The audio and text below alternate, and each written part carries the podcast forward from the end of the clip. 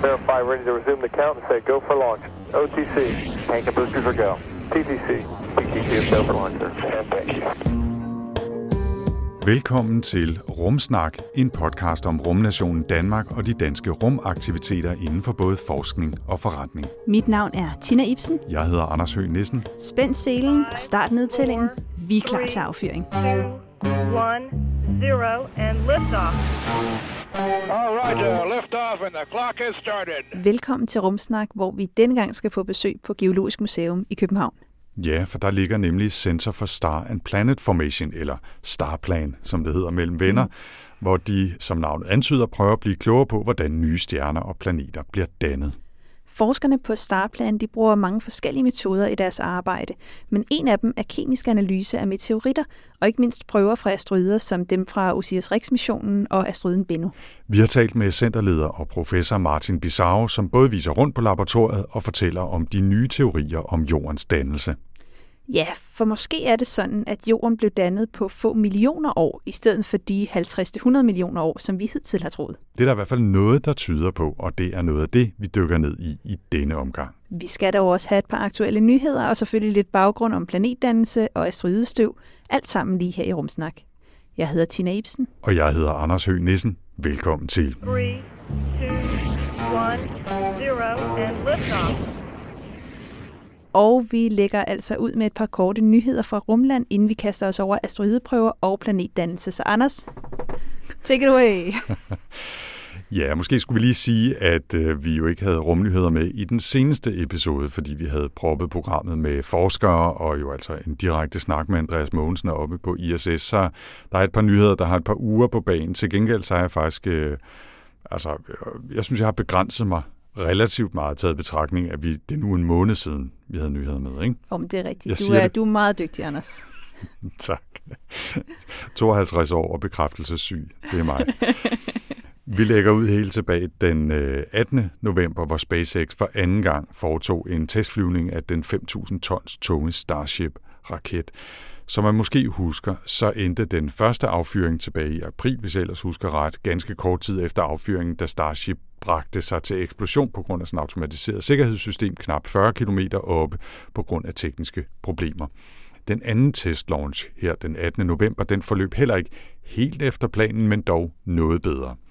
Starten gik godt, alle 33 Raptor-motorer tændte som de skulle, og Starship forlod jordens overflade i ganske fin stil, men da andet trin skulle skilles fra boosterraketten op i 70 km højde, der begyndte der altså at opstå problemer.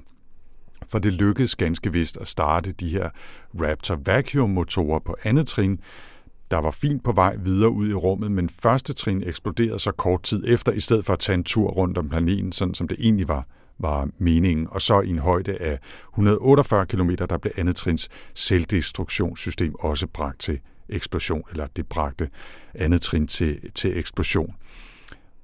Ikke desto mindre så betragtes den her anden testflyvning dog som en succes, selvom øh, det hele på nogen måder Eksplosiv i hvert fald succes. en eksplosiv succes, ikke? Fordi øh, affyringen skete efter bogen, og det var en af de vigtige ting, man gerne ville have testet, og også fordi man altså nåede at sende trin 2 videre fra boosterraketten, sådan som det skulle ske. Jeg tænker, at der nok er brug for et par testflyvninger mere, og den næste forventes faktisk allerede i begyndelsen af næste år, så må vi se, hvor langt Starship når denne gang. Du, du tager ikke den, en billet på testflyvning nummer tre? Jeg tror faktisk, det er en af dem, hvor selv hvis jeg blev tilbudt en, en plads oppe i toppen, så tror jeg, jeg vil betakke mig, trods alt. Selv en af dem. Jeg tænker, der er, der er mange af de der test, hvor jeg vil sige, ja, jeg synes lige, I skal prøve det en 10-15 Ja, kan, gange. vi, kan vi sende en mannequin, Ja, mannequin op i stedet? Ja. Hvad er du med til os? Vi skal en tur til Sunny Wales. Øh,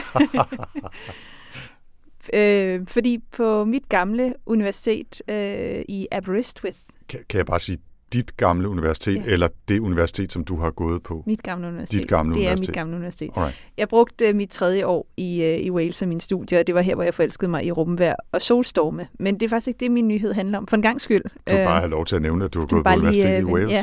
Nej, det var fordi, at øh, jeg sad faktisk til morgenmaden og lyttede øh, nyheder fra BBC, og så lige pludselig kom der A News from Aberystwyth University. Og sådan, øh, hvad er det? Det sker ikke hver dag, Nej, det er sjældent. Så jeg blev selvfølgelig nødt til at tage den med her naturligvis. Øh, det handler ikke om rumvær, nordlys. Vi skal nemlig en tur til øh, Mars og Mars-roveren Rosalind Franklin fra ESA, som jo har været igennem nogle ret turbulente år, kan vi vist godt sige.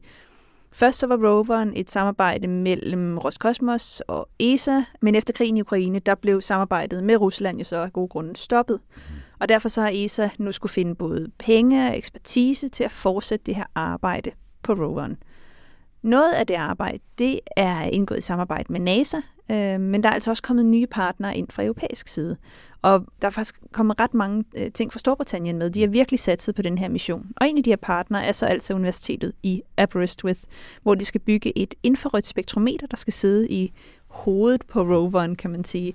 Øhm, instrumentet det kaldes ENFIS og betyder regnbue på walisisk. Vidste du det i forvejen? Øh, nej, det gør jeg faktisk ikke. Jeg, øh, jeg kan huske meget, meget få øh, ord. Jeg kan huske øh, bus, staves BWS, Ja, og siges bus. det er jo nærmest snyd. Og så boede jeg på Khambadan Road. Øh, så øh, så det, det var også øh, dobbelt L, siger man. Altså, Okay, der, der er lidt ting, jeg har taget med med Okay. sproget, øh, men ikke meget. aha. Nå, tilbage. Yep.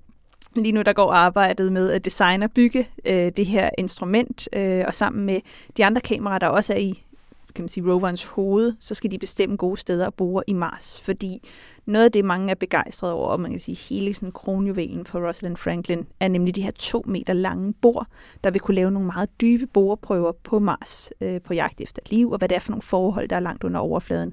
Fordi man mener, at hvis der er liv stadig, så er det nok i nogle lommer under overfladen, et stykke under overfladen i hvert fald, øh, eller der, det kan være her, hvor livet har overlevet længst tid. Så, øh, så det er noget af det, man arbejder med. Og går alt efter planen, så er den nye altså dato eller tid for opsendelse, det bliver i øh, 2028. Oh, der er alligevel lang tid til, Så der er hva'? noget tid til jer, men Ja. ja. det er jo igen også, man skal jo redesigne flere instrumenter, man skal have en helt nyt landingssystem, Mm. fordi den skulle sendt, være sendt op med øh, en, en russisk raket. Ikke? Altså, så bare det der med, at den skal designe og tilpasses et andet landingssystem, betyder enormt meget. Nej, det er vildt. Så, og så har man måttet tage rigtig mange instrumenter ud. Så, så det er ikke bare sådan lige Det er ikke sådan gøre. lige container shipping. Nej, præcis. Nej. Anders, jeg tænker, at, øh, at vi holder os ikke til Starship den her gang, selvom du sagde, at du ikke jeg havde mange. Jeg, skal, altså, jeg sagde ikke, at jeg ikke havde Nej, mere end en. Jeg sagde bare, at jeg ikke havde Jeg mange. skal vel? lige... Nej, jeg bliver, jeg, vi bliver bare lige nødt til at nævne, fordi. Ja. vores seneste episode handlede jo om Andreas Mogensen og hans forskning, og øh, op på ISS og den anden forskning, der foregår deroppe, men altså især øh, Andreas' Og her i slutningen af november, der lykkedes det jo ham at tage flere billeder af de her sjældne blå og røde lyn deroppe fra. Det var jo en af de ting, der lykkedes for ham på den der meget korte tur, han havde tilbage i 15, at han faktisk fik taget øh, ret fine billeder af de her øh, blå lyn og røde sprites, som man kalder dem, øh, når de opstår højt op i atmosfæren. Han havde så den her gang, eller har den her gang, et meget bedre kamera med, som kan tage over 100.000 billeder per sekund. Og det har altså gjort det muligt at fange de her lyn, mens de opstår, så man nærmest kan se deres øh, udvikling. Det her kamera er en del af det, der hedder Thor Davis-projektet på, på DTU, og består af en særlig sensor, som monteres oven på et videokamera, som indsamler data, som så senere kan øh, skabe de her billedsekvenser øh, med høj tidslig opløsning. Jamen, jeg så noget, det ser sådan ret funky ud. Det ligner sådan nogle pixels, der sådan ja. øh, bevæger sig op. er det ikke billeder, der øh, billedmæssigt har super, super høj opløsning, men tidsmæssigt har de høj opløsning, og det er jo meget vigtigt, fordi det er ekstremt hurtige fænomener, det her. Ikke? Det er jo også relateret, det her arbejde, til den store ASIM-mission og instrumentet, der har siddet uden på ISS siden 2018, for netop at observere den her slags lyn, og som vi også har fortalt om i en tidligere episode af Rumsnak, som jeg nok skal prøve at huske at linke til, ellers så findes det tilbage i feedet i sæson 2, 3, 4 Something, stykker. something. Noget den stil. Ja. Der skal selvfølgelig også, øh, Tina, lidt bonus på bordet, og den her gang, der linker vi fra vores show notes til en artikel om øh, en ny metode til at indfange og fjerne rumskrot.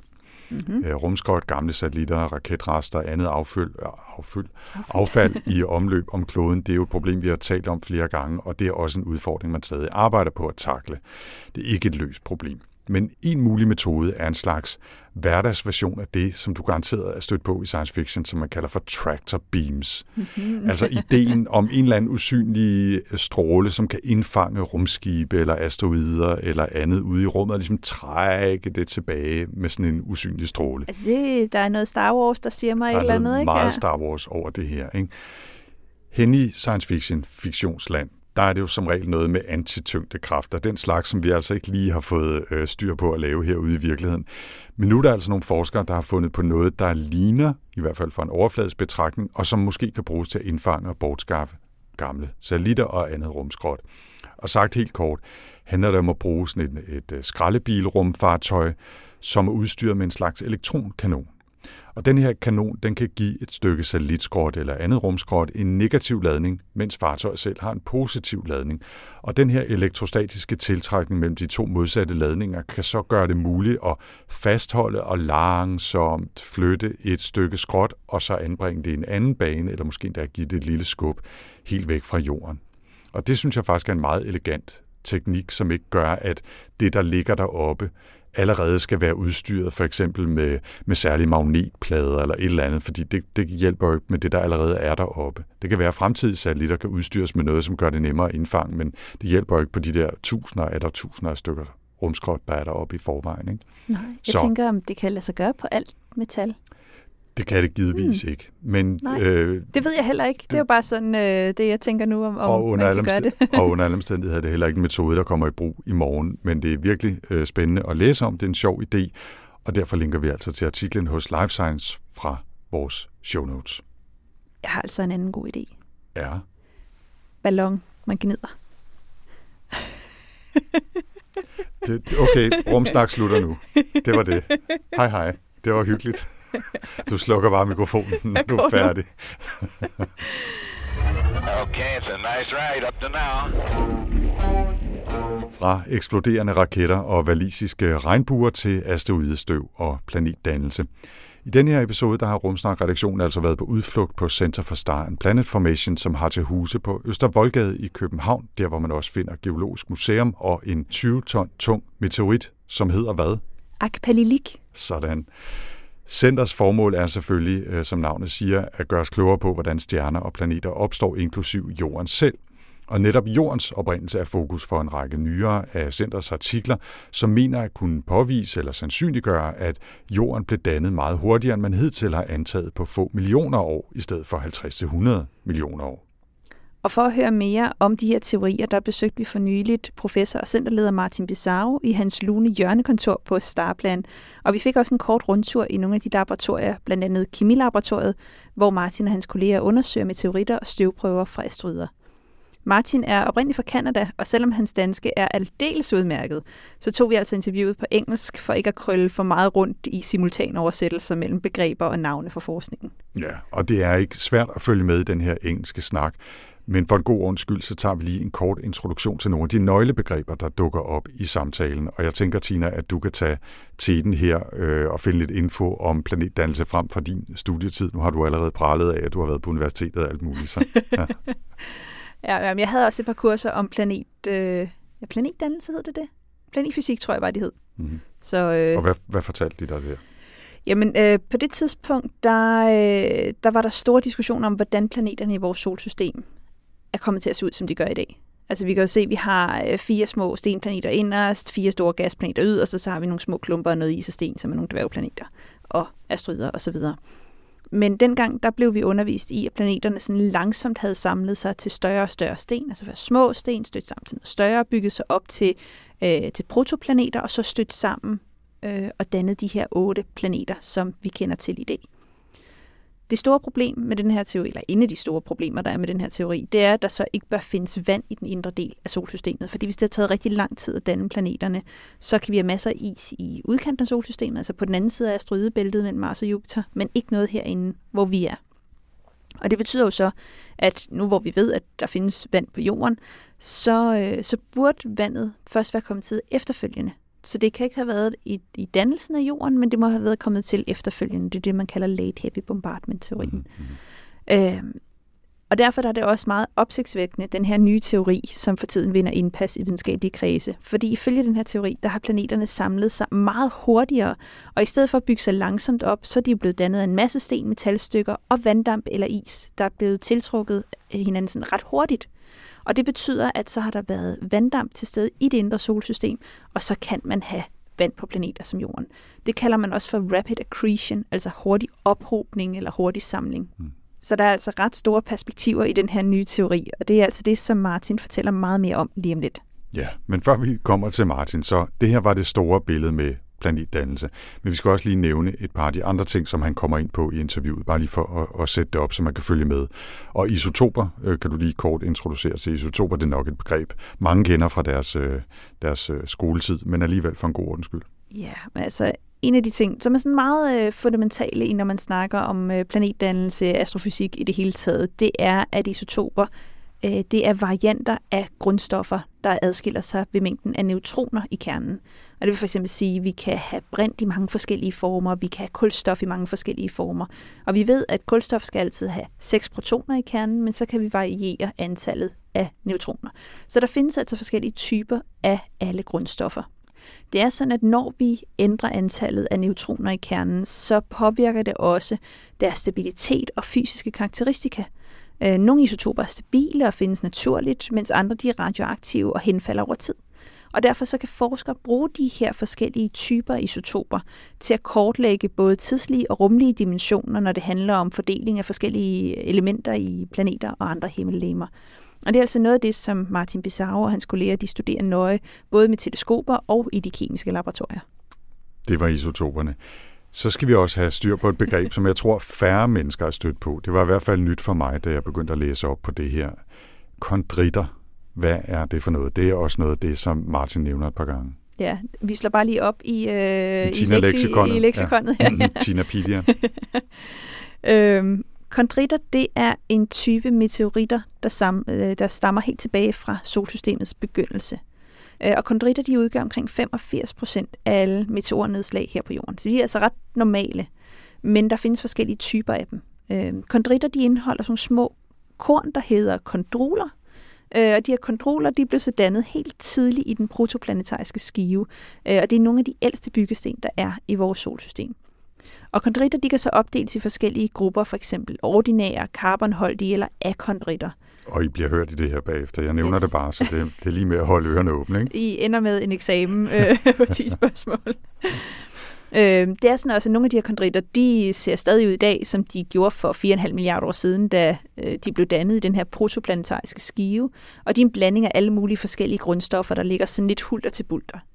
Andre af dem har været opvarmet og er derved ændret sig. Fordi når man opvarmer noget, så sker der det, at de tungeste grundstoffer, som altså metallerne osv., de flyder ind mod midten, og de lette metaller, de vil ligge ud på overfladen. Det er faktisk det samme, som vi også ser her på jorden. Der har vi jo en tung metalkerne, og så har vi de lettere stenarter på overfladen. Og det er det, vi kalder, at et legeme er differentieret. Tak for det, øh, Tina Ibsen-Pedia. Var det det sidste? Nu skulle vi helst være blevet klædt på til interviewet med professor Martin Bissau, så lad os stille om til hjørnekontoret på Starplan, hvor vi selvfølgelig også lige skal høre om, hvordan materialeprøver fra meteoritter, altså ting, vi har fundet her på jorden, efterhånden også er ved at blive suppleret af støv og sten fra asteroider. Martin har tidligere været med til at analysere materiale fra asteroiden Rygo og venter også på en lille leverance fra Bennu. Five, four, three, two, one, zero, and liftoff. Yeah, so uh, my name is Martin Bizzarro. I'm a professor at the Globe Institute and I'm a leader of the Center for Star and Planet Formation. So my research is basically focused on understanding the formation of planetary bodies uh, in our solar system and, and beyond. And I'm very interested in understanding the conditions uh, when a planet forms that allow, for example, for water to be present or for the um, complex organic chemistry that can basically lead, lead to life. So this is the potential habitability of planets. So that's a topic that interests me a lot. Could you tell us a bit about the focus for the entire center as well? Is that uh, aligned with yours, or is it uh, completely yes, different? ye- yes, yes, and no. So basically, um, the Center for Star and Planet Formation, as as it it, it, it says, uh, basically it's to understand the formation of stars and planets in general. And and what is um, uh, special about the center is actually is because it's multidisciplinary. So we have people who are looking at uh, at at rocks, at meteorites, like me. We call them cosmochemists. So these these these researchers extract information from from ancient material which was formed in the first few million years of the solar system. So these these rocks are like time windows into the very beginning of, of our of our sun and and and its disk. Um, there are people who will use supercomputers uh, to understand how planets come together. So astrophysicists, theoretical astrophysicists. We have astronomers, which use telescopes to look at young uh, stellar objects or young stars surrounded by a disk of dust and gas, where the planets are basically emerging. And finally, we have people who look for exoplanets, so planets um, beyond our solar system. And the magic is that we have all these diff- different disciplines interacting together. And in the center here, you do most of these different kinds of, of research. Your particular interest is looking at those samples, correct? Yeah, I mean, uh, meteorites. This has been the focus of our research for the last ten years, but but now we I've actually had material from uh, the Ryugu asteroid by the Japanese Space Agency, uh, which collected material in 2020, and we had this material, at least some of this material, uh, here at the center um, uh, early in 2021, and now we're preparing for samples from Bennu, which are back on Earth now, and and and hopefully early next year we will have material from that as well. So, so, both of these emissions, one from Japan and one from, from NASA, how do you get your hands on these samples? Are you just good friends with people, or is there a network of, of everyone working together? So, so basically, uh, with respect to the Japanese Space Agency, um, uh, I was chosen to be a team member, um, and uh, my task was to analyze one special element uh, uh, amongst you know in the periodical table. So we were um, asked to uh, measure the magnesium isotope composition of these samples because this is something that we've established in our lab many years ago, and we're one of the best places in the world to do that. But for Bennu, I'm not part of the mission uh, for Bennu. However, we published this uh, in very interesting paper in 2023 um, describing a new nucleosynthetic tracer, which is the uh, isotopic composition of the element silicon. And silicon is uh, like a uh, building blocks of planets, just like carbon to, to life, silicon to a planet is the major uh, uh, amount of material in a planet. And, uh, and because we published this high impact paper uh, this year, it got a lot of attention. And someone who's part of the mission actually asked me if we would be interested in measuring the silicon isotope composition of samples from Bennu. And so I, obviously I said yes because I mean it's a historical moment when you get this material.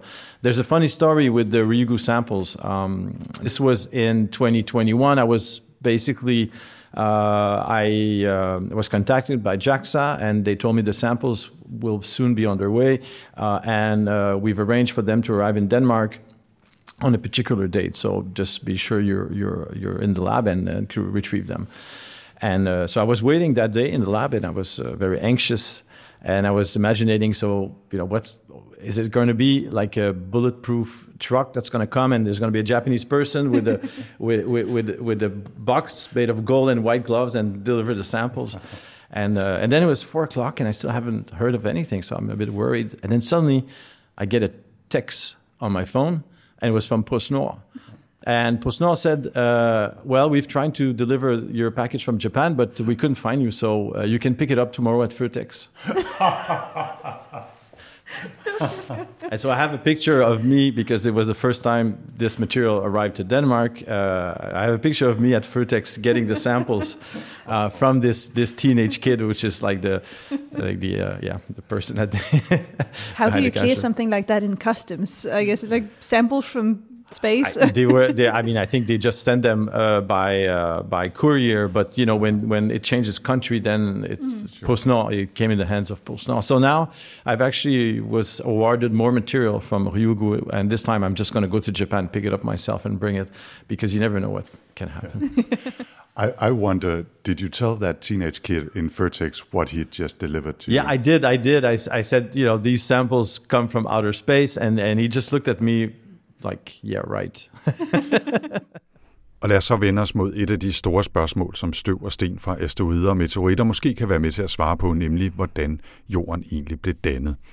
Der findes altså basalt set to forskellige teorier, som Martin også fortæller. Den ene siger, at jorden blev skabt langsomt over op til 100 millioner år, primært ved at lidt større himmellegemer ramlet sammen mens den anden og nyere teori siger, at det er sket relativt hurtigt gennem en slags tyngdestøvsugning af stykker sten og is fra det tidlige solsystem på få millioner år. So there's basically two, uh, I would say, n-member theories for the formation timescales of terrestrial planets. Uh, the classical one is that uh, planets are formed by the slow collisional growth of planetary embryos. So bodies, say the size of Mars, slowly collide together, and it takes about 50 to 100 million years to have a planetary system.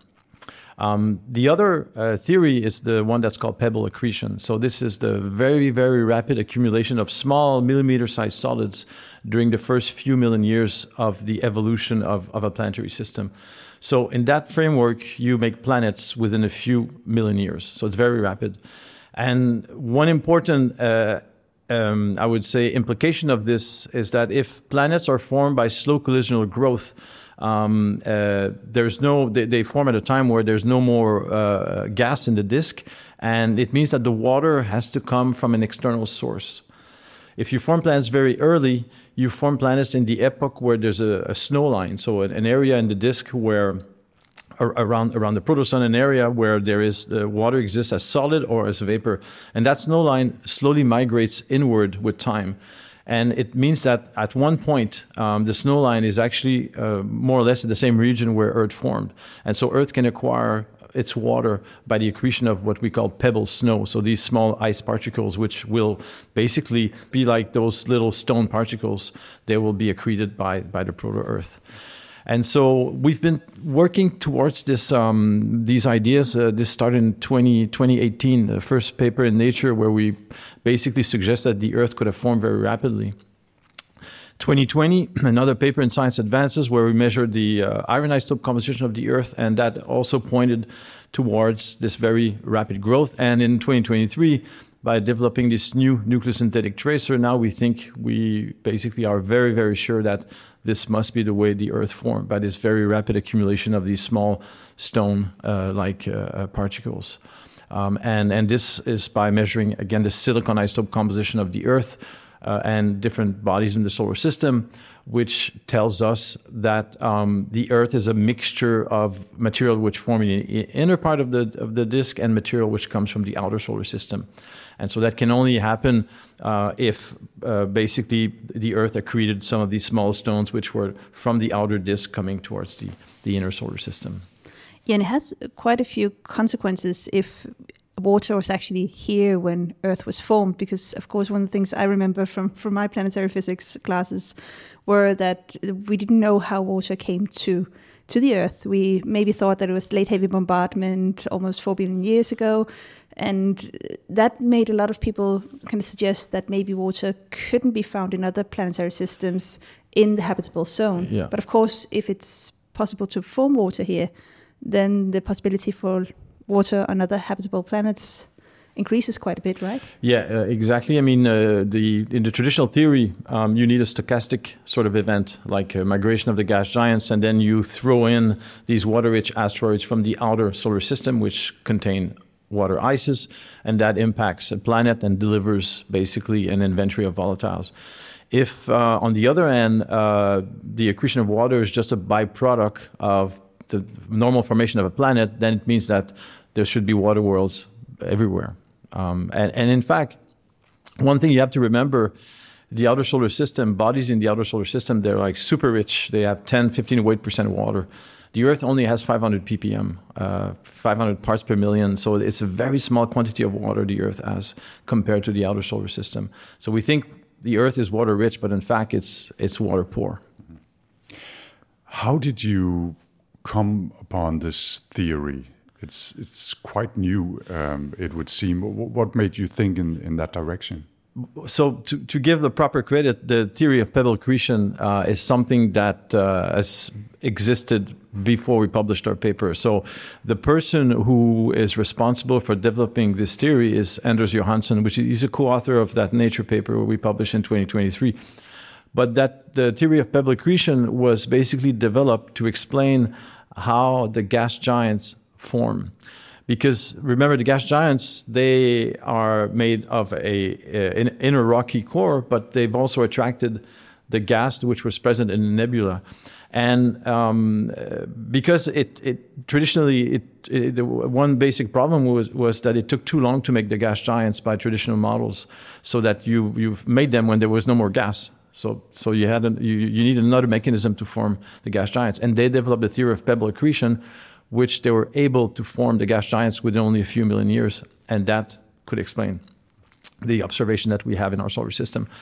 Now, um, people have not applied the theory of pebble accretion to the formation of terrestrial planets, and that is something that we've been doing here together with Anders. We have a theoretical paper published in 2021 where we show that it's possible to make the Earth and the planets in, in the inner solar system by pebble accretion. Um, so that's a theory paper. In the 2023 paper, we show that uh, basically the isotopic composition of the Earth and other bodies in the solar system are consistent with pebble accretion. And so now we think we have both theory and observation that allow us to say confidently that the Earth must have formed very rapidly.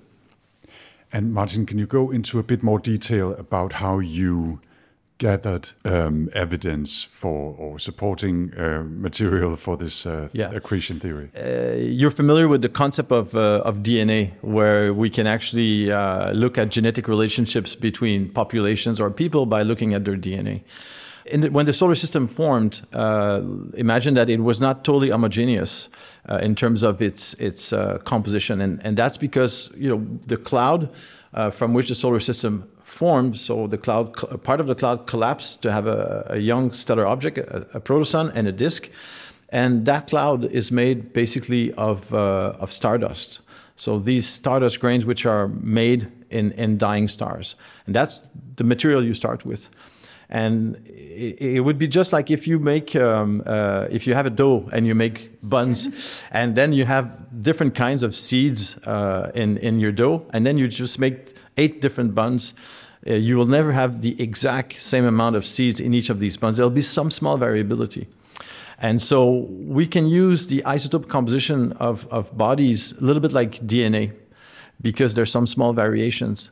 And we use, for example, the isotopic composition of silicon or, or other elements to trace genetic relationships between different planets or solids, asteroids, and planets. So, and that's basically how we uh, can come up with a way of understanding the nature of the precursor material. We can say the Earth has an isotopic signature or a, an isotopic DNA fingerprint that is somewhere between the inner solar system and the outer solar system. So it must be a mixture of the two. And that's to make it simple, that's a bit the, the way we, we use these isotopes to understand what planets are, are made of and what the, where the material was originally located, where it came from. Yeah, and, and so, so how do you know where it originally came from? Do you have kind of the blueprint of the disk when it formed? Or how, how do you kind of compare what is the composition of the Earth now, and where should it then form? Yeah, so we have a sort of understand, a general understanding of, as you say, a blueprint of the disk, because we can actually um, date uh, bodies uh, and and look at their signature and and uh, and basically have a sort of compositional map of the solar system. For example, um, some of the asteroids that we have they're they're molten. The reason they're molten is because they accreted very early, and there was uh, short-lived radioisotopes in the early solar system. These are isotopes which basically decayed very rapidly within a few million years, and the energy released by these isotopes um, was enough to melt a, a, a, small a small planet or a small body of like hundreds of kilometers in diameter. So we know that when we have a meteorite that comes from an asteroid which was differentiated, it must have formed in the first few million years. Uh, and must have formed in the inner solar system because it's water poor, for example.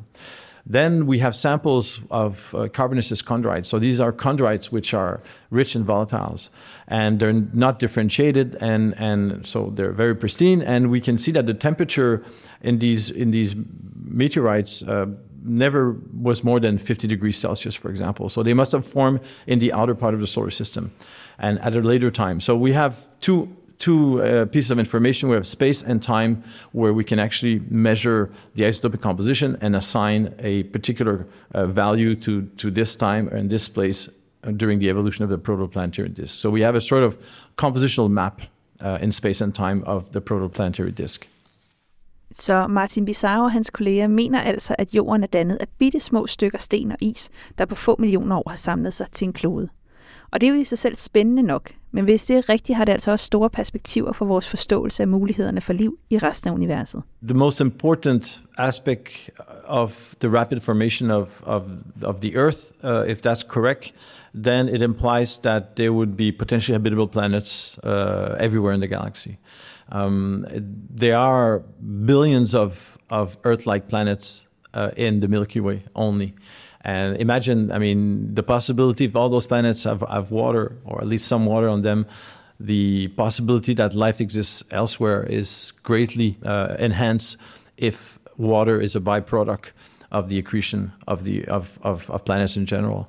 So the next question is is prebiotic chemistry. So how does that uh, come come to the Earth? Uh, and that's a bit more to uh, more complicated because if if the Earth for example, our, our Earth went through this uh, stage of having a, a, giant impact, which formed the Earth Moon system. So, um, if there was any life at that time on, on the proto Earth, it must have been extinguished by this event. Um, because the, gravi- the gravity of the Earth is so strong, even if the, wa- the, the, the, the, the water that previously existed on Earth went into vapor phase, it recondensed uh, on the Earth uh, after that. However, the organic molecules could have been destroyed and so that remains uh, to be understood how were these um, these organic molecules delivered to the proto-Earth after the giant impact that formed the Earth-Moon system. And the possibility is, uh, micrometeorites. As you know, micrometeorites, these are the small uh, hundreds of microns, so fractions of millimeter size uh, material that falls on the Earth every day. Uh, and the, the, amount of mass that forms on the, on, falls on the Earth via micrometeorite is factor of 10 greater than, than these meteorites that you see here. There's just much more of them. And it was much more in the past as well.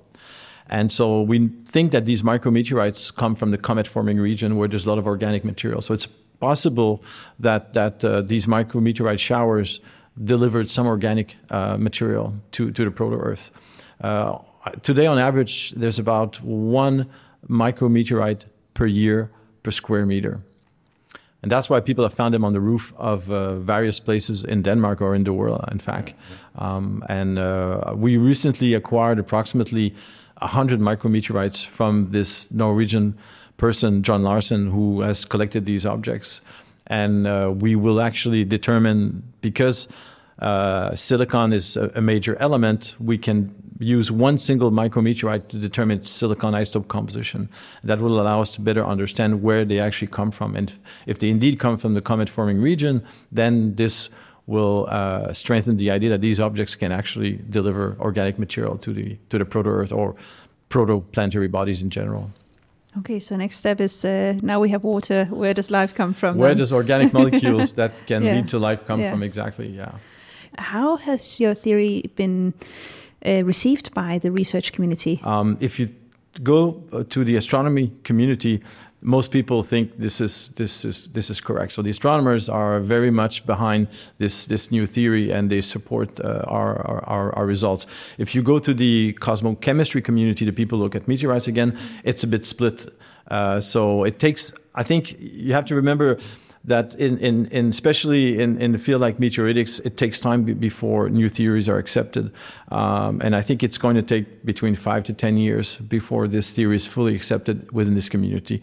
Um, more than 10 years ago, we published a paper which basically said that um, the chronology of the solar system was wrong, uh, and we had to establish a new chronology because of some details of the abundance of radioisotopes in the early solar system. We said these radioisotopes were not homogeneously distributed, meaning that you can't use them as a chronometer.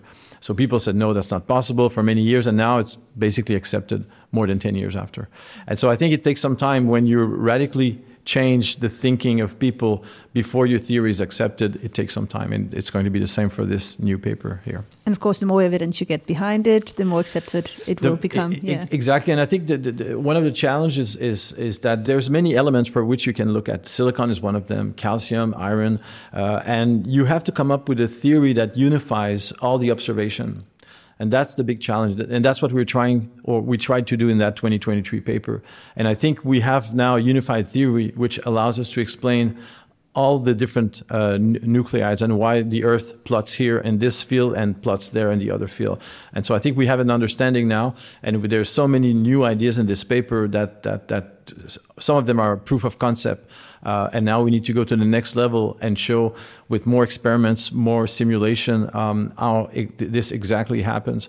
But uh, that paper um, basically pointed towards this direction where we should be heading for the next five to 10 years uh, in this field. We talked a bit about the, the Bennu samples uh, earlier Yeah. from Osiris Yeah, uh, yeah. Rex. Um, what do you hope to uh, gain from from having access to those? So I guess for me, it's it's to compare Ryugu and Bennu um, because uh, one of the big discovery, I would say, uh, or perhaps the biggest discovery when we landed on on Ryugu and took the samples back, it is that it looks very very similar to one of the rarest type of carbonaceous chondrite that we have in our collections. These are called CI chondrites. So for Ivuna, Ivuna is a type of chondrite, or is, the name of a chondrite, which is the type specimen for the CI chondrites. And these chondrites are essentially made of uh, matrix, just dust particles. There's no inclusions or high temperature component, and they're very fragile. Uh, but what are the chances that the first asteroid, carbonaceous asteroid that we land on, is a CI chondrite? I should say the chances are it's it's not possible. So it must mean that this material is widespread. So if the first, if if we go to Bennu and it's the same thing as Ryugu, it means that this material is widespread in the asteroid belt. And the fact that these meteorites do not reach the Earth is because they get destroyed in the atmosphere through the heating process. Uh, and it, it basically tells us that there's a, there was a major dust reservoir, which was like Ryugu and Bennu in the early solar system, and that possibly contributed to the volatile in- inventory of the terrestrial planet because this material is volatile rich. So if the Earth part of the Earth's accretion formed by the accumulation of small Bennu or Ryugu-like particles that basically delivers the volatiles that we have on Earth. So we've been talking a lot about asteroids now, but uh, in 10 years' time, we'll get a sample from Mars and the Perseverance rover as well. Um, that's something you're interested uh, in as well. Martin, can you tell us why this is interesting? I think everyone agrees that Mars formed very rapidly. So, uh, and, this is research that's uh, from other groups, but also from our group, that Mars solidified within the first 10 million years of uh, the evolution of our solar system and had a crust since that time. Um, and that means that uh, because there's no plate tectonics on Mars, we preserve a record of the very ev- early evolution of the planet. And Mars had water uh, on its surface. Uh, some of the research we've done recently showed that there must have been at least 300 meters of, of, of water covering the entire planet at one point in time. And so I would say that Mars was potentially habitable before the Earth was because of the giant impact. Uh, and so we're talking about perhaps 100, 150 million years uh, before the Earth was potentially habitable. Mars was already potentially habitable. And so life could have actually started on Mars as opposed to started on Earth. So that's why I think it's really interesting to go to Mars, take samples, because if we can show that life was present on Mars, then we can compare, at least at one time, if life was present, we can determine whether or not life originated independently on Earth and Mars. It's, there's no genetic relationship. And if that's the case, if life uh, originated twice in our solar system, then of course it must be widespread in the universe. Uh, so that's a question for me that's really burning is, was there life on Mars, and is it independent than life on Earth? Og det fortalte altså her professor og centerleder Martin Bissau fra Starplan på Københavns Universitet, som også fortsætter sin forskning blandt andet som Willum Investigator med 30 millioner kroner i ryggen til Planetary Habitability-projektet. Det er sådan et svært ord at sige, habitability. Jeg synes, det gik meget Det godt. gik meget godt. Jamen, du Tak. gør det godt. Tak. Hvis du vil vide mere om de ting, vi har talt om i den her episode, så husk at øh, tjekke vores show notes til podcasten, hvor vi linker til mere information om både raketaffyringer, traktorbeans og planetdannelse. Og så nævnte vi også i begyndelsen, at Martin gav os en lille rundtur på kemilaboratorierne på Starplan. Og hvis du bliver hængende i dag, efter vi har sagt tak for denne gang, så kan du høre et lille sammenklip på 5 minutters tid, hvor Martin fortæller om processen fra at skære meteoritter i skiver til at lave kemisk analyse af deres bestanddele. Five, four, three, two, one, zero, and liftoff. Og med det er Rumsnak landet for denne gang. Men Rumsnak vender selvfølgelig tilbage snart igen med den sidste episode i 2023. Og det bliver en ganske særlig en, fordi vi vender teleskopet tilbage mod året, der gik, og ser på nogle af de største, vigtigste, særeste eller sjoveste begivenheder og nyheder fra 2023. Hvis man i mellemtiden gerne vil vide mere om Rumsnak, så kan man finde os på Facebook, Instagram og LinkedIn. Og man kan også læse mere om os på vores egen hjemmeside rumsnak.dk, hvor vi også har en lille butik med Rumsnak merchandise. Så der er måske til en lille julegave eller to der. Ja, det vil være en god julegave, ja. tør jeg godt sige. Bestemt. Helt, helt objektivt.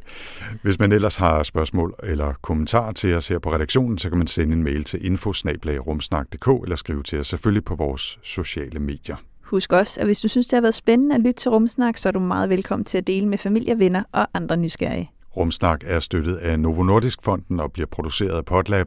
Jeg hedder Anders Høgh Nissen. Og jeg hedder Tina Ibsen. Tak for denne gang. So tell us, Martin, where are you taking us? well, First, maybe we can have a quick look here uh, at this lab here. This is, Og så er der rundtur. this is the sample preparation lab here. And this is where the journey of a meteorite actually starts uh, because uh, we have to uh, to prepare the samples to bring them to the clean lab. Uh, and, and here, all the mechanical treatment happens. Like, for example, you need to cut a meteorite uh, with, with a saw. So this is, a, for example, a special wire saw. You can see this wire is a few hundred microns, and this goes back and forth on a meteorite, basically to cut uh, a- slice, which we can then uh, look more carefully with a microscope, take smaller uh, uh, sample fragments of it to analyze in, in the clean lab. So mechanical treatment of the meteorites happens in this not so clean room here, and and this is the first stage. The second stage, um, we can go to the next level where uh, we go to a different lab where we can actually look at the meteorites uh, in more detail using these microscopes here. Uh, and so that's again the second stage. After we've we've broken the meteorite either in slices or small pieces, we come to this lab here and and use optical microscopes uh, to actually make sure that the material we want to sample is actually been sampled, and then we can take them to the chemistry lab after that to dissolve the rocks, uh, the meteorites, and then extract the elements that we need to extract to measure the isotope composition on a mass spectrometer afterwards. And this looks, apart from the microscopes, perhaps pretty much like a, a workshop. It looks like a workshop, except that the air that's being pushed in here is clean, and so and and this is the cleaner part of the room.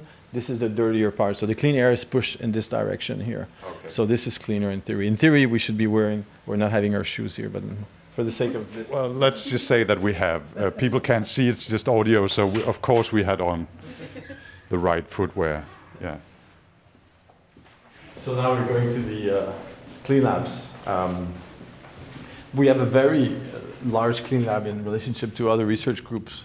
So there's uh, in, in the clean labs we have approximately 12 individual working stations. It means that 12 people can work at the same time. Uh, and uh, what is neat about this is that every every person that works in the lab can have their own spot. So it allows us to put a lot of time in developing new method, new approaches because we have this liberty of, of having a lot of, of space. And of course, now, Martin, you mentioned this being a clean lab, so I suppose we shouldn't just go in and out willy nilly. Is it better if we stay out or?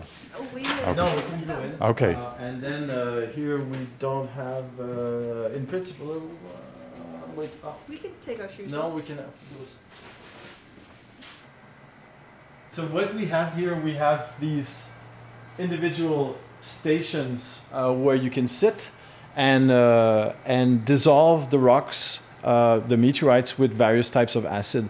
So liquid meteorite, which we then separate the elements from this meteorite using resin in, uh, in, in, uh, that's located in these small columns that you see here. So that's uh, sort of the end product, if you will, of the going through the, the three different labs, ending here in the clean lab in the uh, plexiglass box. So, so, so no, because this is the uh, the second to last. So we go we go in, the, in this in, in the clean box uh, uh, and we extract the element. And let's say that now in my beaker I have uh, magnesium. Uh, uh, uh, I've extracted all the other matrix element, and what's left in my beaker is magnesium. Then I go to the mass spectrometer lab down in the basement and measure the isotopic composition of this magnesium. And so this is, I would say, if you say there's three steps that's involved: the sample preparation, so the lab we were just before. After that, it's the chemical purification. This is the lab we're in now. And finally, in the mass spectrometer laboratory, we analyze the isotopic composition of, of the elements that we're inter- interested in. Fantastic. Uh, that's down in the basement. We won't go there today, but uh, that's the final stage of the process. Final stage of the process, and perhaps um, uh, the most exciting because that's where you're sitting in front of the computer and seeing the numbers coming up and that's where you have the result in front of you because when here you don't know. You're basically separating the element and then uh, then it's, it's, when you're in mass spec lab that you get the isotopic composition uh, and and get excited yeah. Thank you